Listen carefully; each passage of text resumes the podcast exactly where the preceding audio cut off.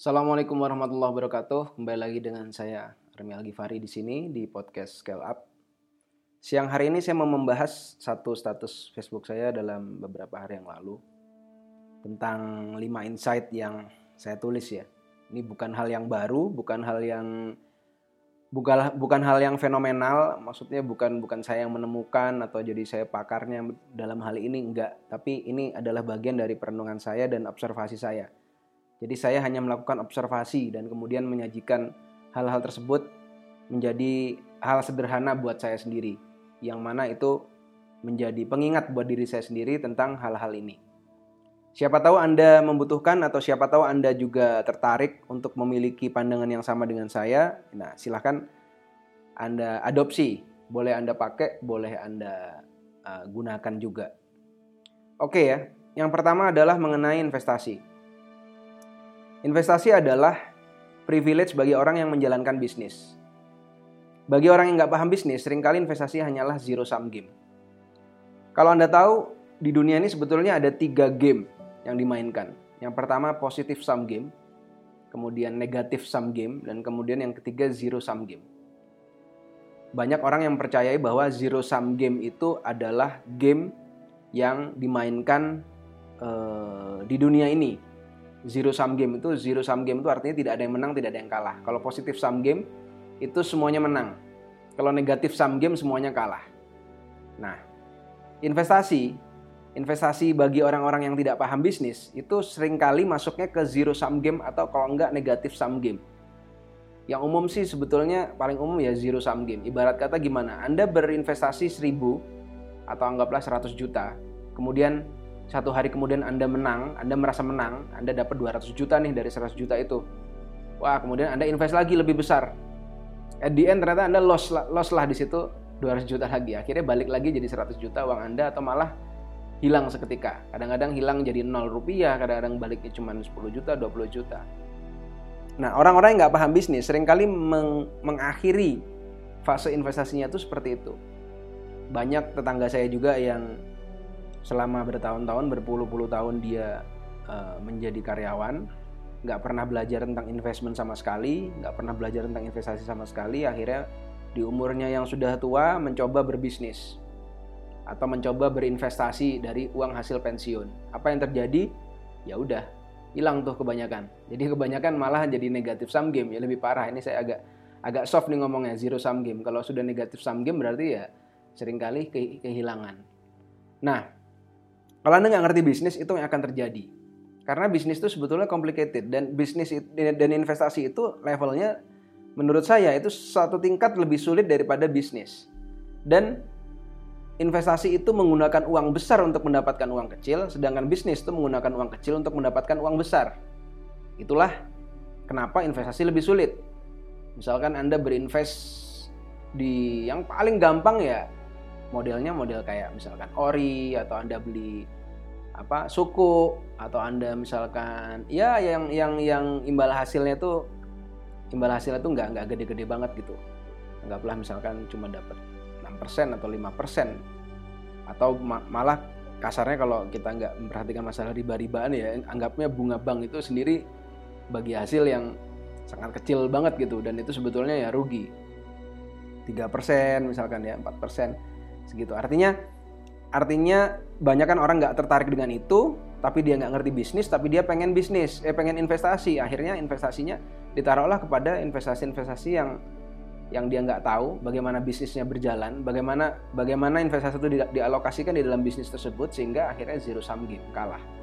Oleh karena itu untuk orang jika orang ingin berinvestasi menurut saya langkah yang paling tepat adalah dia perlu belajar bisnis dan bagaimana bisnis dijalankan karena seperti yang saya bilang, investasi itu adalah privilege bagi orang-orang yang menjalankan bisnis. Dia bisa invest dan hasilnya gede kalau dia ngerti bisnis. Kalau dia nggak ngerti bisnis, siap-siap aja zero sum game. Siap-siap aja neg bahkan negatif sum game. Itu. Yang nomor dua, mengelola keuangan adalah mengelola gaya hidup. Mengelola gaya hidup adalah tentang memoderasi pengaruh luar terhadap hidup. Orang yang masih memedulikan persepsi orang lain terhadap dirinya sudah bisa dipastikan ia memiliki masalah pengelolaan keuangan. Sebetulnya ada dua hal yang saya sampaikan di poin nomor dua ini. Yang pertama adalah uh, mengelola keuangan itu adalah tentang memoderasi pengaruh luar terhadap hidup. Nah, salah satu pengaruh luar itu adalah memedulikan persepsi orang lain terhadap dirinya. Jadi ada dua hal. Tentang moderasi pengaruh luar terhadap hidup, ini bisa jadi datangnya dari orang lain, bisa jadi datangnya dari diri kita yang tidak bisa melakukan kontrol terhadap diri kita sendiri. Misal, contohnya, orang obesitas. Saya nggak mengata-ngatain orang obesitas karena saya sendiri dulu pernah obesitas. Tapi saya tahu bahwa ketika saya obesitas, itu adalah saya benar-benar yakin dan sadar bahwa ketika saya obesitas, yang salah itu adalah diri saya sendiri dan itu salah. Saya nggak mencari-cari pembenaran misalkan ah yang penting sehat, ah yang penting hidup saya nyaman, yang penting saya dengan keluarga, wah bla bla bla segala macam itu semua hanyalah semuanya hanyalah alasan menutup menutupi denial bahwa sebenarnya obesitas itu ya penyakit. Gak ada manusia diturunkan Allah itu ya mungkin ada ya beberapa penyakit penyakit keturunan tertentu ya itu sangat rare. Tapi diturunkan dalam kondisi yang dalam kondisi yang tiba-tiba obesitas itu sangat-sangat jarang dan kalaupun memang ada, ya berarti itu sudah kodarullah gitu. Tapi secara umum manusia nggak ada tuh.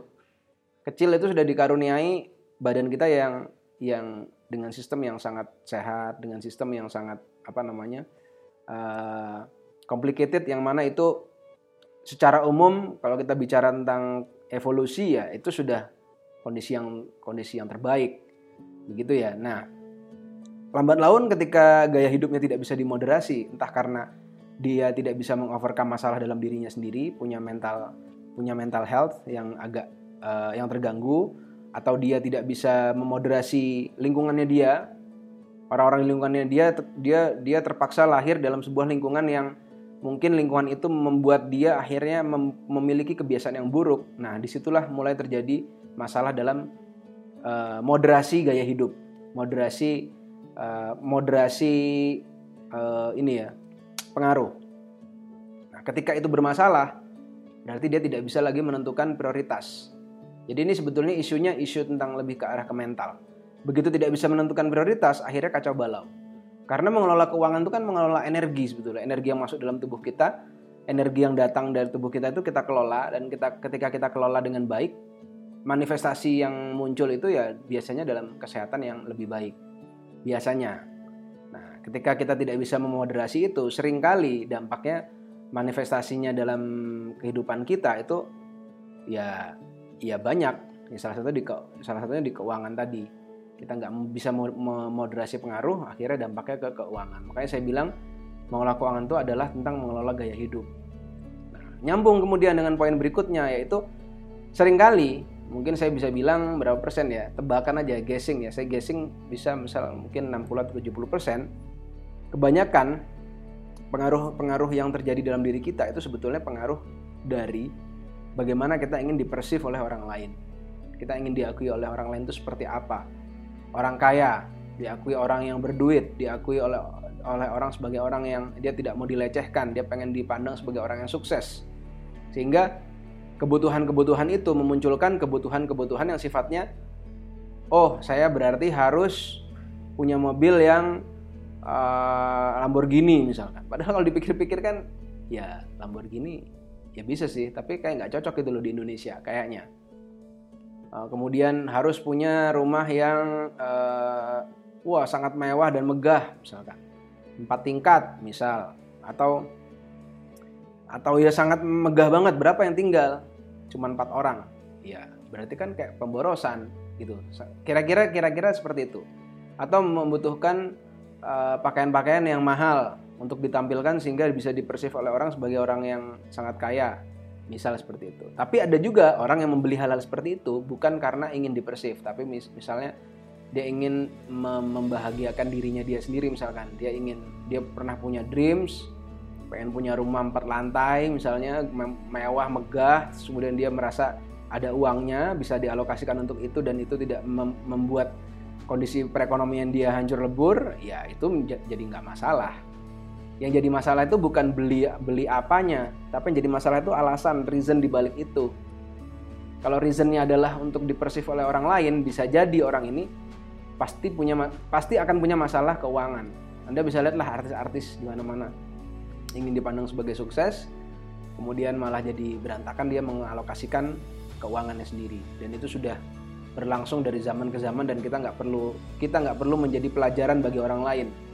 Tuh lihat si Anu tuh gara-gara pengen diakui jadi orang kaya malah jadi berantakan dia ngutang sana sini dan seterusnya. Nggak perlu. Oke kemudian nomor tiga. Rezeki barat energi. Power bank 10.000 mAh tidak akan bisa diisi daya hingga 100.000 mAh walaupun ia dikelilingi oleh sumber-sumber listrik. Anda kalau beli power bank 10.000 mau anda cas sampai jutaan kali juga ya tetap aja dia isinya 10.000 karena baterainya 10.000 mau anda cas sampai berjam-jam ya sama. Kecuali anda menambah baterai di dalamnya. Jadi tambah satu lagi. Jadi akhirnya ditambah-tambah terus jadi 100.000 mAh. Bisa nampung energi sampai 100.000 mAh. Uang itu adalah energi. Kalau kita punya filosofi punya kita uh, kalau kita uh, apa istilahnya uh, analogikan yang sama uang itu adalah energi.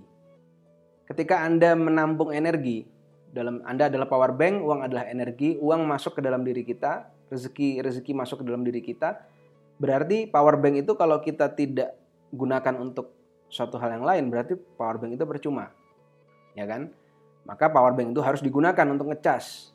At least uang itu harus keluar dari dalam diri kita, entah dikeluarkan dalam bentuk dalam bentuk penyaluran-penyaluran, dalam bentuk misalkan Anda bisa berzakat atau Anda punya karyawan, itu bagian dari Anda mengalokasikan uang Anda untuk orang lain sehingga energi dalam power bank Anda itu tetap sehat. Eh, sorry, power bank Anda tuh sehat, diri Anda tuh sehat. Energinya in and out. Nah, pertanyaannya kemarin datang dari beberapa teman juga, gimana mas cara naikin 10.000 mAh itu jadi 100.000 mAh? Uh, paling sederhana kalau Anda punya power bank ya Anda tambah baterainya. Gimana cara Anda nambah baterai? Berarti Anda harus menambah alasan. Ini secara filosofis ya. Anda harus menambah alasan kenapa sumber-sumber listrik itu harus mengisi energi ke dalam diri Anda lebih besar. Kalau tidak ada alasan, maka nggak akan nambah. Kalau ada alasannya, misalkan alasannya adalah, ya nih karena karyawan saya banyak. Karena karena misalnya saya adalah saya adalah orang yang harus membantu 10.000 orang, misalnya 10.000 anak yatim misalnya atau ada 10 ribu orang yang bergantung nih dalam kehidupan saya, itu na nanti power bank Anda akan nambah. Karena ini ini agak agak filosofis ya. Karena Tuhan atau kalau Anda nggak percaya Tuhan, ya anggaplah apa ya? Ya, semesta lah gitu ya. Atau saya saya ungkapkan Tuhan aja. Tuhan itu mengetahui ketika kita membutuhkan sesuatu. Ini agak filosofis, mohon maaf ketika Tuhan mengetahui bahwa kita bisa atau kita punya kebutuhan untuk menyalurkan energi ke banyak orang dan kemudian kita bisa jadi pertama memang ada kebutuhannya muncul dan yang kedua kita bisa mengelola itu. Kita bisa menampung tambahan baterai itu maka itu akan terjadi. Dan saya meyakini itu. Jadi caranya Anda nambah baterai pertama Anda harus punya alasan dulu. Ini alasan ini penting anda harus punya alasan. Yang kedua, Anda harus punya kemampuan. Kalau Anda punya alasan, misalkan ah, saya pengen ngelola 100 atau 1000 karyawan, tapi Anda nggak punya kemampuan untuk mengelola 1000 karyawan, ya nggak akan terjadi itu. Kenapa? Karena karena ibarat kata Anda punya alasan banyak nih yang dicas. Misal di di rumah Anda ada banyak alat-alat listrik, anda punya power bank 10 ribu, ngapain harus pakai power bank? Kan ada sumber listrik yang lain tuh nyolok. Karena power banknya nggak sanggup untuk suruh ngecas, misalkan suruh nyalain iMac, suruh nyalain AC, suruh nyalain segala macam nggak sanggup. Masih ada sumber listrik yang lain. Nah, celakanya kadang-kadang ada orang yang dia yang dia masih memiliki kapasitas 10.000 mAh, tapi dia berperilaku seolah-olah dia seperti bisa menanggung 100 ribu mAh, padahal dia belum memiliki kemampuan. Dan itu banyak. Jadi banyak orang yang merasa punya alasan, entah kenapa dia berada di dalam satu tempat yang mana tempat itu bisa melimpahi dia listrik. Misalkan Anda dilahirkan di sebuah keluarga yang kaya, Anda nggak punya kemampuan, tapi orang tua Anda sangat kaya, punya duit triliunan, Anda nggak punya kemampuan. Kemampuan Anda baru 10 ribu Yamaha. Anda punya alasan, alasan untuk membagikan banyak tuh kepada karyawan-karyawan, tapi Anda nggak punya kemampuan. Nggak jadi tuh Anda 100 ribu MAH kemampuan Anda. Jadi yang terjadi apa? Itu larinya nggak ke Anda, si, si triliunan harta itu. Itu akan menguap entah ke mana. Entah ke orang-orang sekitar, entah tiba-tiba Anda kalah judi, entah gimana. Anda nggak mampu menahan energi sebesar itu, meledak tuh power banknya. Dan itu sudah banyak kejadian. Banyak teman-teman saya yang lahir istilahnya silver spoon on the mouth, ya istilahnya ya. Jadi eh, dia lahir dalam kondisi yang sangat kaya raya, tapi dia sendiri tidak mampu mengelola kekayaan itu, tidak mampu mengelola harta energi sebesar itu, dia akhirnya failed. Power banknya meledak, kepake untuk hal-hal yang nggak jelas sehingga di end zero aja kembali lagi. Dan itu sudah banyak. Misalkan misalkan punya akses di pemerintahan, punya akses di politik, tiba-tiba jadi kayak gayus gitu modelnya ya kayak gayus. Dia orang biasa tiba-tiba dia punya akses dia harus megang duit miliaran atau mungkin malah triliunan. Tapi karena dia nggak punya kemampuan ya akhirnya ya berantakan lagi. Dan itu sudah banyak terjadi kasus seperti itu. Artis-artis yang tiba-tiba kayak mendadak dia punya alasan tuh. Dia punya alasan dia untuk menyalurkan uang itu tapi dia nggak punya kemampuannya nggak punya skillnya untuk mengelola itu ya tetap aja di 100 ribu Yamaha gitu kira-kira. Jadi kalau anda punya kemampuan dan anda punya alasan ketika alasan ketika anda punya alasan itu akan menciptakan demand. Lalu demand itu akan terpenuhi dengan kemampuan anda. Ketika itu ketemu ya sudah. Itu akan jadi sendiri. Itu hukum alamnya seperti itu hukum besinya seperti itu. Jadi nggak ada kaitannya kalau saya tentang hal seperti ini dengan wah kamu ditakdirkan kaya kamu ditakdirkan miskin. Enggak itu hanya masalah kamu punya alasan atau enggak kalau nggak punya alasan ya udah. Kalau saya nggak punya alasan untuk bantu banyak orang saya cukup bantu lima orang aja ya udah. Nanti itu akan mentok di lima orang. Dan kapasitas untuk ngelola lima orang ya udah mungkin di situ. Dan itu sudah merasa nyaman ya nggak ada masalah nggak ada. Bukan artinya itu lebih jelek daripada orang yang ngelola ribuan orang enggak sama sekali enggak jadi semua power bank diciptakan dan kita mendefinisikan power bank kita sendiri dan kita nggak perlu menggunakan definisi orang lain untuk menciptakan sebuah kesuksesan. Tapi kalau kita punya alasan yang besar, the great the greater reason untuk menjadi power bank yang lebih besar karena misalkan saya harus membantu orang, saya merasa saya pinter, saya mem, ingin membantu banyak orang, saya ingin membantu mengalokasikan ke banyak orang dan saya merasa saya berada di tempat yang harusnya saya bisa melakukan hal-hal besar Nah, kalau Anda punya alasan seperti itu dan kemudian Anda menambah kapasitas Anda dengan Anda belajar lagi hal baru, Anda belajar bagaimana cara ngelola satu triliun, dua triliun, Anda ketemu dengan orang yang yang energinya udah gede, Anda ketemu dengan dengan orang-orang sejenis itu yang sevibrasi dengan Anda, itu Anda akan jadi jadi power bank yang sama itu nanti. Itu sudah hukum alam. Jadi saya meyakini itu seperti matahari terbit dari timur. Bukan yang ah kayaknya nggak bisa, ah itu mah hoki aja enggak. Saya sudah terlalu banyak dalam kehidupan saya yang saya temui. Dan yang saya alami sendiri bahwa ketika kita punya alasan dan kita punya kemampuan untuk menuju ke sana itu hukum alamnya adalah itu pasti terjadi. Itu sudah resepnya dari Allah Subhanahu Wa Taala kira-kira menurut saya ya. Kalau orang lain nggak percaya silahkan nomor 4 habiskan jatah kegagalanmu adalah gambler fallacy. Kebodohan penjudi yang menganggap ketika ia kalah maka peluang kemenangan semakin dekat kalau Anda judi, wah kalah. Wah, bentar lagi menang nih, bentar lagi menang nih. Udah kalah terus nih, misalnya itu itu. Itu gambler fallacy. Kegagalan masa lalu tidak menentukan peluang terjadinya kegagalan di masa depan. Satu-satunya cara untuk menurunkan peluang kegagalan adalah dengan berlatih secara deliberate. Melakukan sedikit kesalahan dari hari ke hari. Jadi, event di masa lalu itu tidak akan menentukan event di masa depan. Jadi ketika Anda melakukan kesalahan di masa lalu, ya bukan artinya kesalahan Anda akan berkurang dan kemudian itu akan menuju ke keberhasilan di masa depan enggak. Kalau Anda melakukan kesalahan yang sama terus-menerus, ya itu akan jadi jadi nggak akan nggak akan jadi mengurangi jatah ke, kegagalan enggak.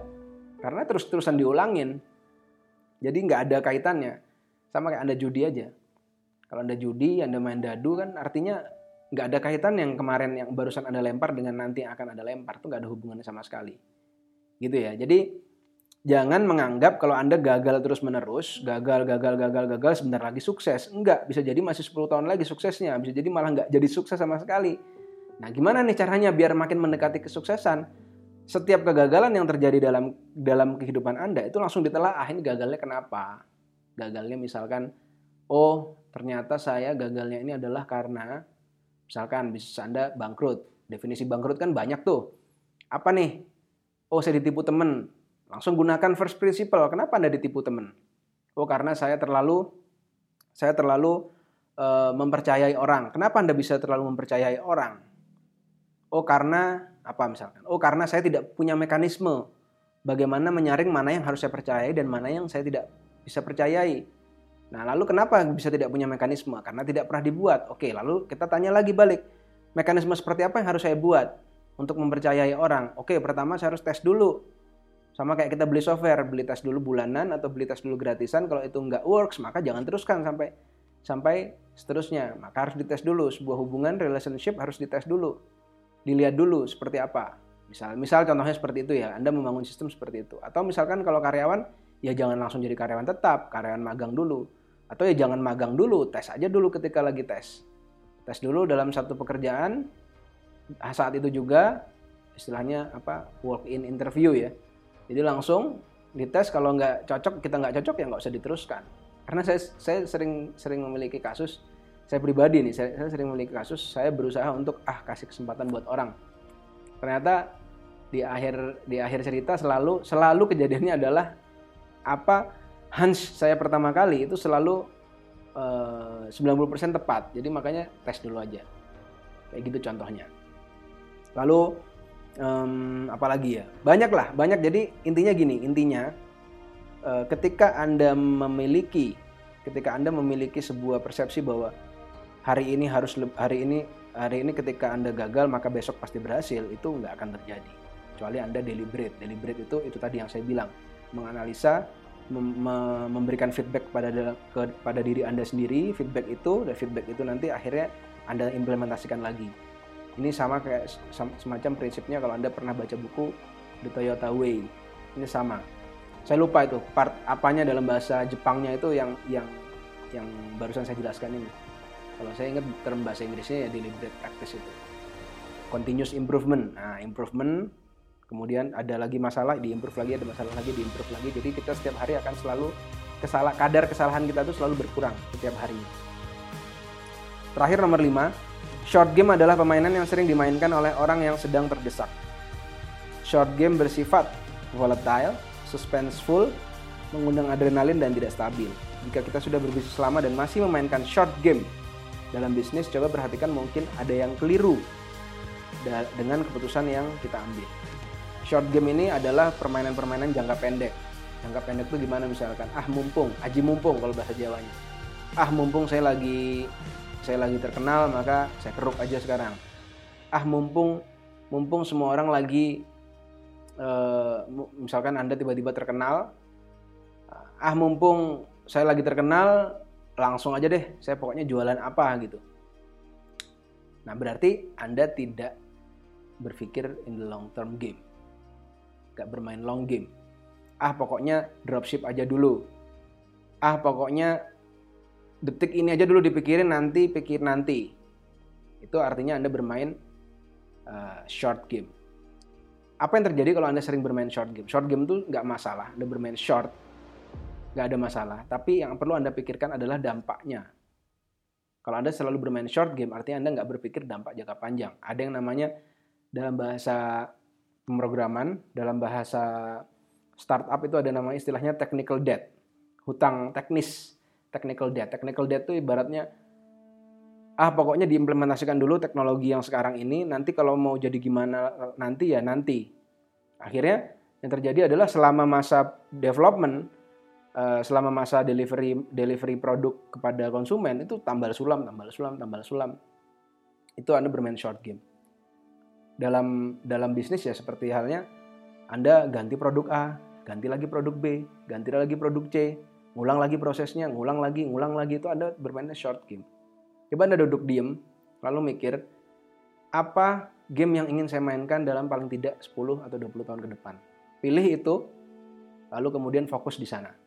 Apa pun yang muncul di sana, Anda pelajari, Anda ambil, Anda petik, Anda jadikan itu sebuah input dalam game yang mau Anda mainkan, sehingga Anda dari hari ke hari akan menjadi lebih sedikit melakukan kesalahan. Berarti Anda sedang compounding terhadap game yang Anda mainkan. Ketika itu yang terjadi, maka semua kesalahan dan semua uh, hal-hal baik yang pernah terjadi dalam game yang Anda mainkan itu itu akan menjadi input semua bagi bagi uh, bagi bisnis Anda. Bagi hidup Anda itu akan jadi input semua. Ketika itu jadi input semua, nggak ada lagi orang yang bisa ngalahin dalam tanda kutip ya.